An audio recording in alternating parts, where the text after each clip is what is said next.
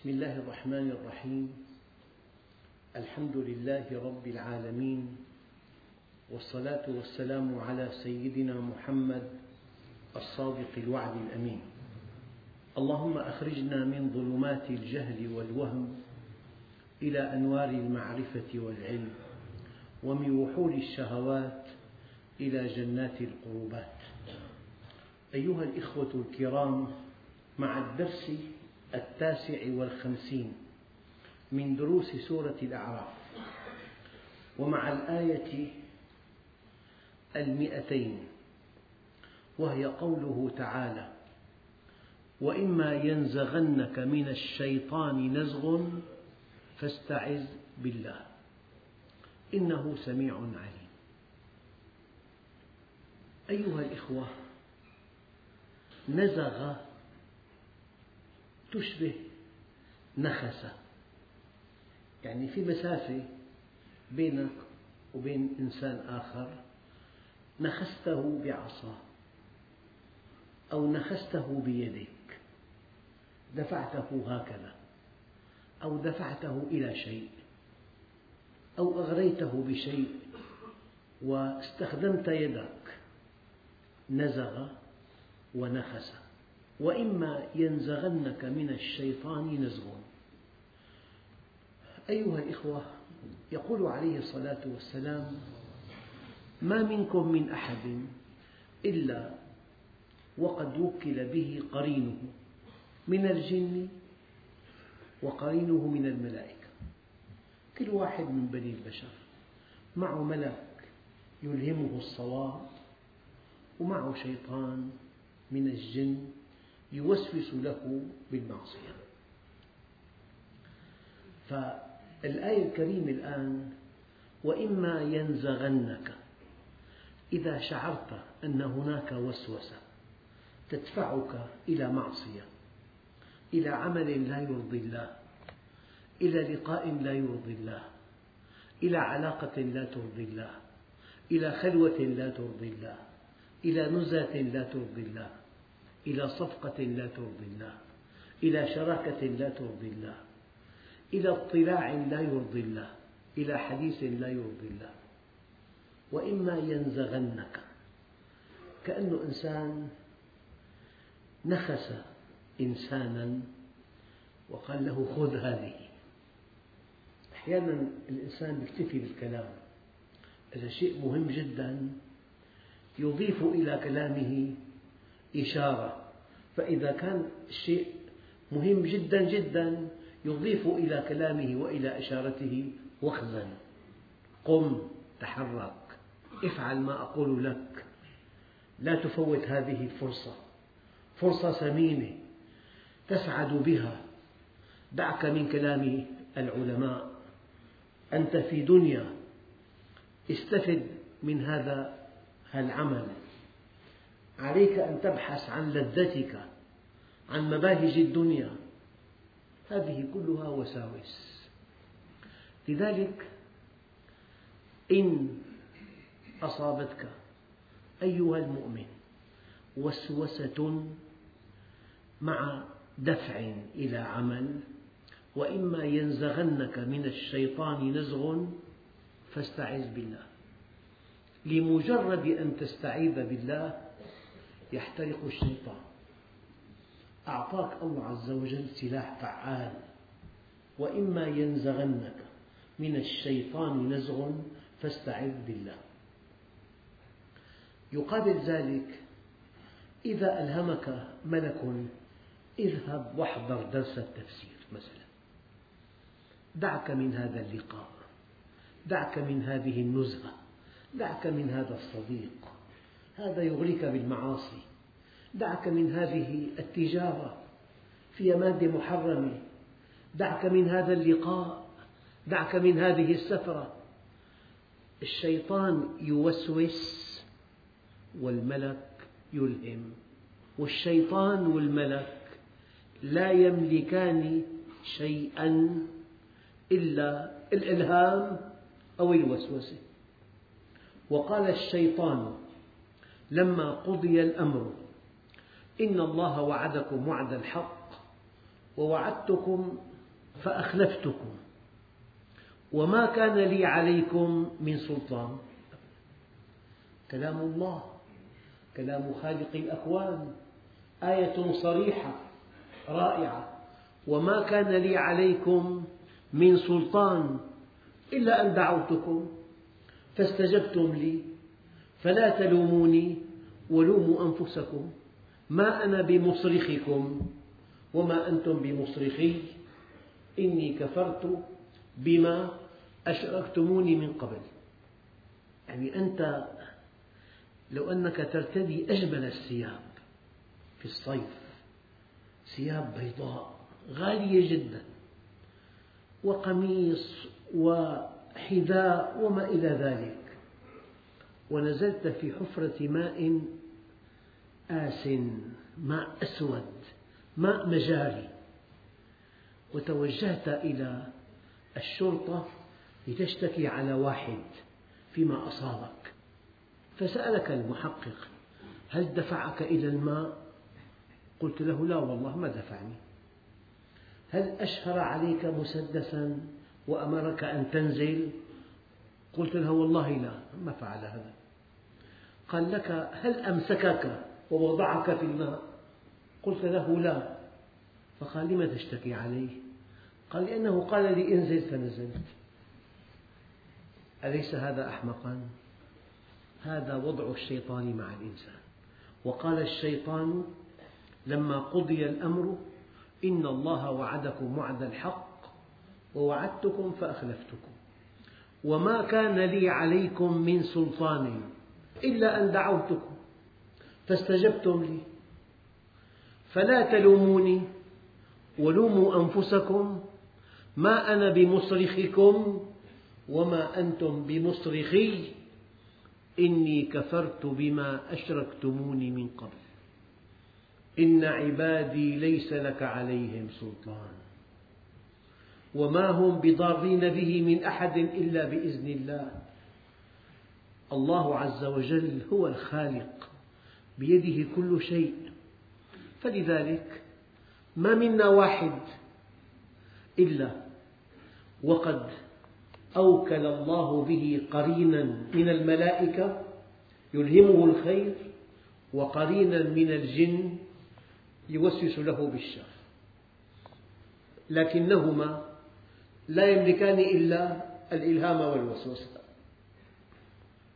فلما قال عليه الصلاة والسلام ما منكم من أحد إلا وقد وكل به قرينه من الجن وقرينه من الملائكة. فقالوا وإياك يا رسول الله. قال وإياي إلا أن الله أعانني عليه فأسلم. الجني الذي أوكل برسول الله أسلم على يديه. نعم. إذا وإما ينزغنك. من الشيطان نزغ. هلا أنت لو أنك صامت ماشي بالطريق تأتيك آلاف الخواطر معظمها من الشيطان. لا تذهب لا تعبأ برضا الأم. أخوك يخدمها دعك من هذا. دائما في خواطر. طبعا علماء النفس يقولوا هذا مونولوج حديث النفس يعني. واحد ركب لحالة بالسيارة خمس ساعات ساكت. لا يفتر عن حديث نفسه ولا دقيقة. من موضوع لموضوع لموضوع لموضوع لموضوع. فهذا الحديث حديث النفس بعضه من الشيطان وبعضه من الملائكة. بعضه إلهام ملائكي بعضه وسوسة شيطانية. فبطولتك ألا تصغي للشيطان. لكن أيها الإخوة الشيطان لا يتعب إطلاقا مع أهل الضلال لأنهم في أعمالهم يحققون هدف الشيطان. يعني شاب لا يصلي ولا ينضبط ولا يستقيم على أمر الله يقول لك ما عندي ولا مشكلة. طبعا ما في مشكلة لأنك تحقق هدف الشيطان. ما في مشكلة لأنك تفعل ما يريد منك الشيطان. ما في مشكلة لأنك غارق في الملاهي في المعاصي والآثام. طبعا الشيطان لا يقترب منك لأنك امتداد له لأنك محقق لأهدافه. أما حينما يتوب هذا الشاب ويعقد التوبة مع الله ويصطلح مع الله يأتي دور الشيطان. لأقعدن لهم صراطك المستقيم. ما داموا في طريق منحرفة أدعهم وشأنهم لأنني أريدهم هكذا. أما إذا سلكوا الطريق إليك أما إذا اصطلحوا معك أما إذا استقاموا على أمرك لأقعدن لهم صراطك المستقيم. ولآتينهم من بين أيديهم يعني من أمامهم. تقدم عصر الفضائيات الكمبيوتر المرأة نصف المجتمع من حقها أن تبدي كل زينتها. هذا من حقها الطبيعي. لا بد من إيداع الأموال ببنوك ربوية. هذا مال له قيمة. ولآتينهم من بين أيديهم. العولمة والعصرنة والحيونة والتقدم والفضائيات والمرأة نصف المجتمع وما إلى ذلك وضرورة الربا إلى آخره. ولآتينهم من بين أيديهم ومن خلفهم هذا البلد أصله روماني وهذا البلد أصله فرعوني وهذا البلد أصله آرامي. يتجاوزون الإسلام إلى أقوام وثنيين عاشوا قبل الإسلام يعتزون بهم يستخدمون رموزهم. إما أن يحتج الشيطان بما أمامك أو بمن خلفك. لأقعدن لهم صراطك المستقيم ولآتينهم من بين أيديهم ومن خلفهم.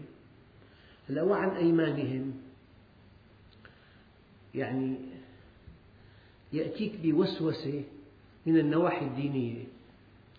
إيه، صلاتك ما صحت. لم تكن في خلال الصلاة متجها إلى الله كليا. ما دامت هذه الصلاة لا يقبلها الله دعها. لا تأتي إلى الدرس. أنت لست على ما ينبغي. ما دمت لا تطبق لا تأتي إلى الدرس. يبعدك عن درس علم عن عبادة عن نافلة عن طاعة لله. وهكذا. من بين أيديهم. أو بالوسوسة. الوضوء ما صح. بعيده مرة ثانية. ثالثة رابعة. هي أمراض كلها. مرض الوسوسة يصير معه وساوس قهرية. نعوذ بالله منها. هي من من أيمانهم. مرة دخل واحد إلى المسجد. قصة قديمة جدا. قال كل واحد ليس على رأسه قبعة صلاته باطلة. بهالبساطة بهالبساطة هيك هي عن أيمانهم. أنه في بالفاتحة أربعة عشر شدة. إن لم تأتي بها فالصلاة باطلة كلام غير معقول. والله كتاب اطلعت عليه قبل أيام كتيب صغير أنه كل إنسان أثناء الحج سعى في الطابق الثاني أو رجم في الطابق الثاني حجه باطل ويبقى محرما إلى يوم القيامة. وكل لقاءته مع زوجته بالحرم شيء جميل والله. فهي عن أيمانهم عن أيمانهم بيأسك. يعطيك اليأس. إيه مثلا بيقول لك فلان الفلاني يقرأ القرآن كل ليلة. ما بتقدر. هي 600 صفحة لو قرأت بأسرع طريقة ما بتكفي. أو يصلي بكل ركعة بخمس ركعات القرآن كله. أو الإمام الفلاني صلى لأربعين عاما الفجر في وضوء العشاء. أنت بتقدر ما تنام؟ هو هذا العالم ليس من بني البشر. وجعلنا الليل لباسا والنهار معاشا. لما بتقدم الإسلام على أشكال تعجيزية لا لا. أشدكم لله خشية أنا كما قال عليه الصلاة والسلام. أنام وأقوم. أنام وهو سيد الخلق وحبيب الحق. وأقوم. وأصوم وأفطر. وآكل اللحم. وأتزوج النساء. هذه سنتي. فمن رغب عنها فليس من أمتي. عن أيمانهم يعطيك نموذج فوق طاقتك. لا تستطيعه أن فلان يذكر الله في اليوم مئة ألف مرة. طيب عدهم أي مسابع بدهم عشر ساعات. تشتغل تأمن طعام لأولادك. أذكار فوق طاقة البشر. أو يقرأ كل ليلة القرآن بكامله فوق طاقة البشر. أو أربعين سنة يصلي الفجر بوضوء العشاء. إذا أرادوا أن يجعلوا لك الدين شيء غير معقول غير مقبول فقد أبعدوك عن الدين بطريقة أخرى. لذلك ولآتينهم من بين أيديهم ومن خلفهم وعن أيمانهم أو قصص ما أنزل الله بها من سلطان. واحد سأل عن طالب علم عند عالم قال له هذا بضع من الماء بالأرض. قال له من شدة محبته لنا ذاب من شدة محبته فذاب. هي الماءات هذا قصص غير معقولة. خرافات سحبات دجل شطحات. الدين علم. لما الصحابة الكرام توهموا أن الشمس كسفت لموت إبراهيم وقف النبي عليه الصلاة والسلام مصححا لهم. قال إن الشمس والقمر آيتان لا ينبغي أن تنكسفا. لموت واحد من خلقي ولا لحياتي كنت مرة في مكة المكرمة حفظها الله فسمعت أخبار غير معقولة أن هناك أنوار ساطعة من القبة الخضراء باتجاه السماء. أنوار النبي اللهم صل سمعت هذه القصة من أشخاص عديدين. فلما وصلت إلى المدينة في درس علم حضرته فقال المدرس جزاه الله خيرا أعلمني أمير المدينة أن هناك أشعة ليزر وضعت على سطح المسجد النبوي لإرشاد الطائرات. أشعة ليزر أصبحت أنوار. هذه مبالغات دعك من هذا. أو تأتيك أيام رسائل إلكترونية أنه بيل جيت أسلم. مو صحيح ما أسلم. الغابة على شكل لا إله إلا الله ليست صحيحة. هذه المرأة داست على المصحف فمسخت إلى قرد من صنع الكمبيوتر. مركز إلحادي. يصمم هذه الصور ليضحك علينا بها. وإن شاء الله بدرس معين أكثر من سبعين حالة. خلية نحل عليها اسم الله. موج بحر على شكل اسم الله عز وجل. يعني يشغلوننا بأشياء لا تقدم ولا تؤخر. نحن ديننا دين منهج. دين عقيدة دين حركة دين عمل. مو دين تبرك. دين أشياء لا تقدم ولا تؤخر. أيها الإخوة وإما ينزغنك من الشيطان نزغ فاستعذ بالله. ولآتينهم عن أيمانهم وعن شمائلهم المعاصي والآثام بس هل انتبهتم إلى أن الله أغفل جهة العلو وجهة الدنو العلو تشير إلى الله عز وجل. هذا الطريق سالك وآمن. شيطان ما في. والدنو طريق الافتقار إلى الله. وهذا الطريق وهذه الجهة سالكة وآمنة إن افتقرت إلى الله ما في ولا مشكلة. إن أقبلت على الله ما في ولا مشكلة. أما ولا أتينهم من بين أيديهم ومن خلفهم وعن أيمانهم وعن شمائلهم ولا تجد أكثرهم شاكرين. يقول لك خسرنا 8 ملايين. لا حول ولا قوة إلا ربحان 100 مليون السنة الماضية. نقصوا 8 ملايين. السنة صار خسران 8 ملايين. ولا تجد أكثرهم شاكرين. دائما يشكو من علامات من مشى مع الشيطان. أما النبي الكريم كانت تعظم عنده النعمة مهما دقت. تتمتع بحواسك الكاملة. تتمتع بصحة جيدة. لك بيت تؤوي إليه.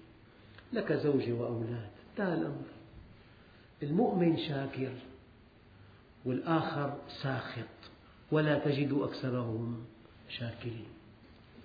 وإما ينزغنك من الشيطان نزغ فاستعذ بالله إنه سميع عليم.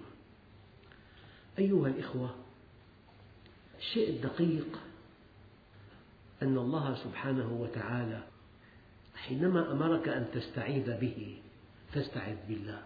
دقق. أنت ممكن تلجأ لجهة كي تعينك غير موجودة. يكون ما في عقل واحد.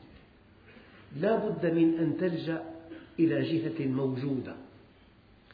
هل يمكن أن تدعو جهة لا تسمعك؟ مستحيل. لا بد من أن تدعو جهة موجودة وتسمع. هل يمكن أن تلجأ لجهة لا تقدر على إنقاذك؟ مستحيل.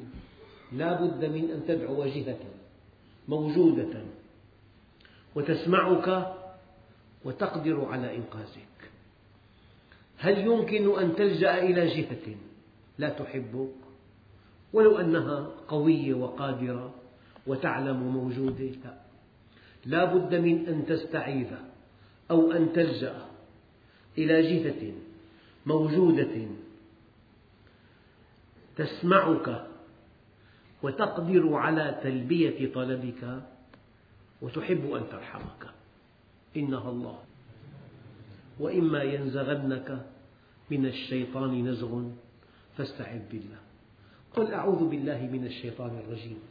بقلب حاضر بتوجه إلى الله ينتهي فعل الشيطان. إنه سميع عليم. يعني إن تكلمت فهو سميع. وإن سكت فهو عليم. وإن تحركت فهو بصير. سميع بصير عليم. إن تكلمت فهو سميع. وإن سكت فهو عليم. وإن تحركت فهو بصير.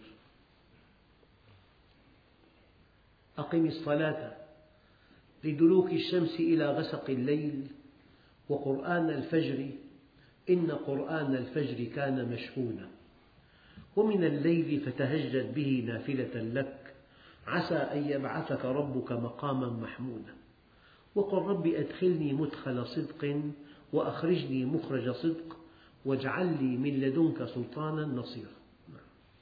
أيها الإخوة الآن إن الذين اتقوا إذا مسهم طائف من الشيطان. الآن في عنا النزغ. النزغ نخس عن بعد في مسافة.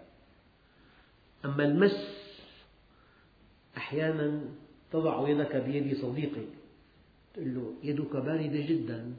لك والله معي أنا أعراض نقص تروية لما لمسته شعرت بالحرارة.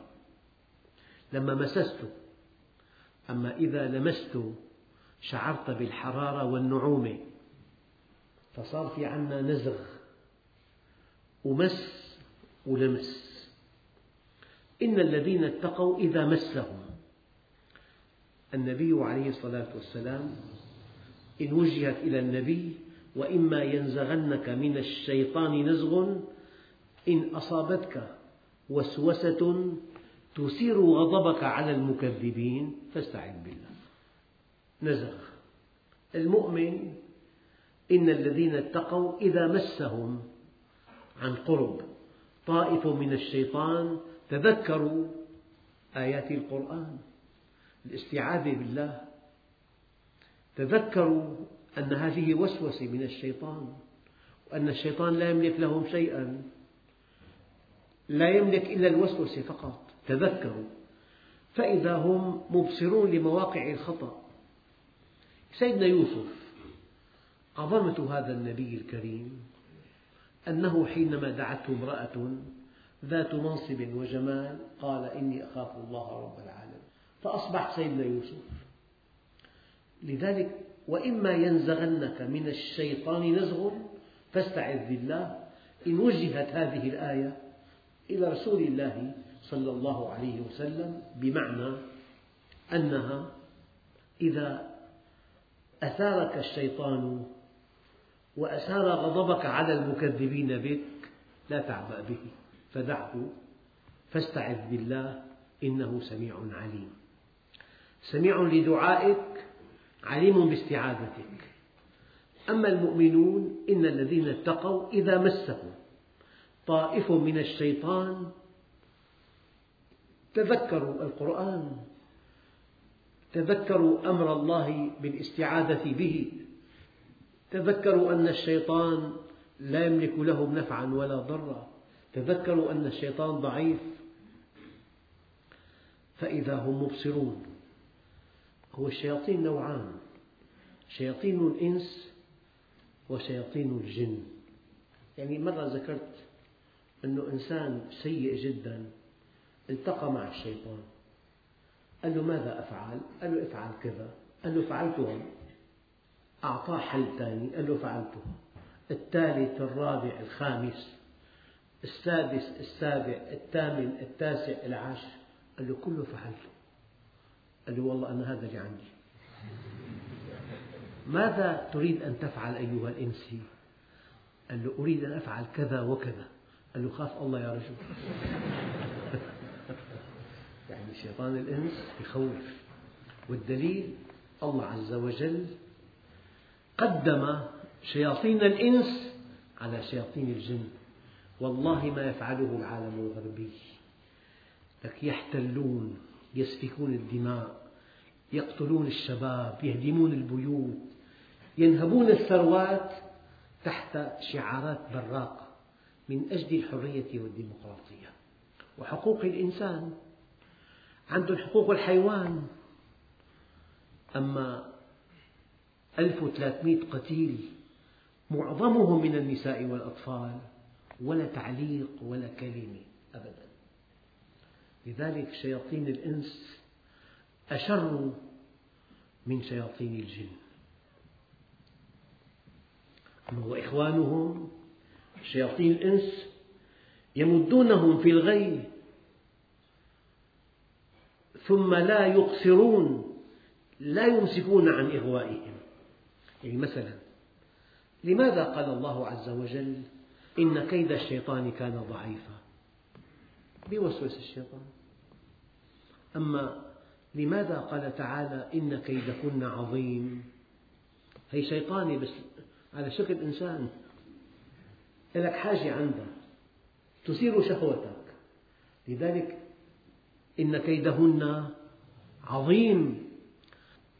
فلذلك أنا أقول كما قال عليه الصلاة والسلام يعني أكبر فتنة تصيب المسلمين فتنة النساء في آخر الزمان.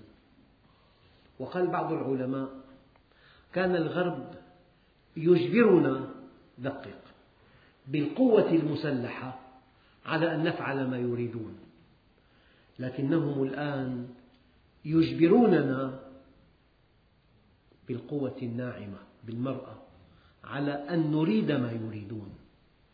لذلك جاءت آيات غض البصر. في القرآن. قل للمؤمنين يغضوا من أبصارهم ويحفظوا فروجهم. إن الذين اتقوا إذا مسهم طائف من الشيطان يعني وسوسة تذكروا آيات القرآن تذكروا آيات الاستعاذة بالله تذكروا أن الشيطان ضعيف لا يملك شيئا. تذكروا أن الله عز وجل قال إن عبادي ليس لك عليهم سلطان فهم مبصرون مواقع الخطأ.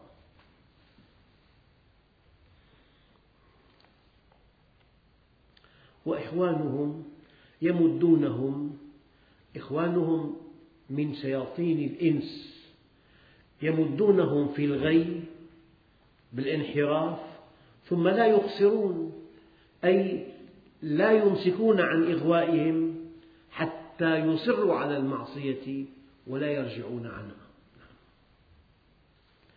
وإذا لم تأتهم بآية قال تعالى ولقد صرفنا للناس في هذا القرآن من كل مثل فأبى أكثر الناس إلا كفورا وقالوا لن نؤمن لك حتى تفجر لنا من الأرض ينبوعا.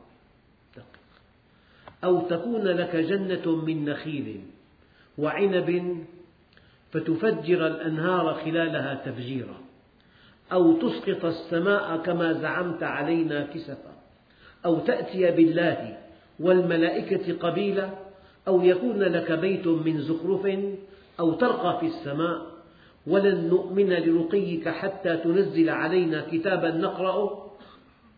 قل سبحان ربي. هل كنت إلا بشرا رسولا؟ هذا ليس بيدي. لذلك وإذا لم تأتهم بآية من هذه الآيات قالوا لولا اجتبيتها لولا صنعتها أنت بنفسك هو بشر. إنني بشر. وإذا لم تأتهم بآية من هذه الآيات قالوا لولا اجتبيتها أي لولا فعلتها أنت وتكلفتها وصنعتها لنا كي نؤمن بك. قل إنما أتبع ما يوحى إلي من ربي. أنا متبع ولا أقدر أن آتي بهذه الآيات. لذلك قال تعالى قل لا أعلم الغيب. النبي عليه الصلاة والسلام لا يعلم الغيب. وأي إنسان يدعي علم الغيب فهو كاذب. قل لا أملك لكم نفعا ولا ضرا. قل لا أملك لنفسي نفعا ولا ضرا. قل إني أخاف إن عصيت ربي عذاب يوم عظيم. أربع آيات. لا يعلم الغيب لا يملك النفع والضر لا يملك لنفسه نفعا ولا ضرا. قل إني أخاف إن عصيت ربي عذاب يوم عظيم. أي إنسان يدعي خلاف ذلك فهو كاذب. وإذا لم تأتهم بآية قالوا لولا اشتبيتها لولا تكفلت بها أنت وأنشأتها من عندك قل إنما أتبع ما يوحى إلي من ربي. هذه بصائر من ربكم وهدى ورحمة لقوم يؤمنون. أيها الإخوة الله عز وجل في بعض الآيات حينما جاءت كلمة يقين لقوم يؤمنون قال فأما إن كان من المقربين فروح وريحان وجنة نعيم وأما إن كان من أصحاب اليمين فسلام لك من أصحاب اليمين. وأما إن كان من المكذبين الضالين فنزل من حميم وتصلية جحيم. إن هذا له حق اليقين فسبح باسم ربك العظيم. يعني في علم يقين وفي عين يقين وفي حق اليقين. جدار وراء دخان والقاعدة المنطقية لا دخان بلا نار. فهذا علم اليقين. فإذا أتيت وراء الجدار ورأيت النار بعينك هذا عين اليقين. فإذا اقتربت من النار وشعرت بالوهج الشديد فهذا حق اليقين. فينبغي أن ينتقل المؤمن من علم اليقين إلى عين اليقين إلى حق اليقين.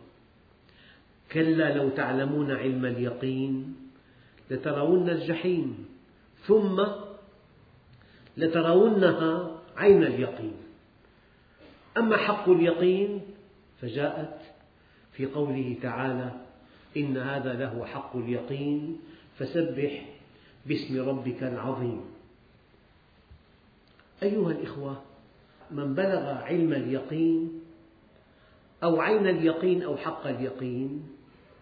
كما قال سيدنا علي والله لو كشف الغطاء ما ازددت يقينا. وقال في قول آخر والله لو علمت أن غدا أجلي ما قدرت أن أزيد في عملي. هذا علم اليقين مع حق اليقين مع عين اليقين. أيها الإخوة حينما قال الله عز وجل وإذا لم تأتهم بآية قالوا لولا اجتبيتها قل إنما أتبع ما يوحى إلي من ربي هذه بصائر من ربكم. الآية القرآن الآية المنهج الآية هذا التصور الرائع للكون والحياة والإنسان الآية هذه التفاصيل.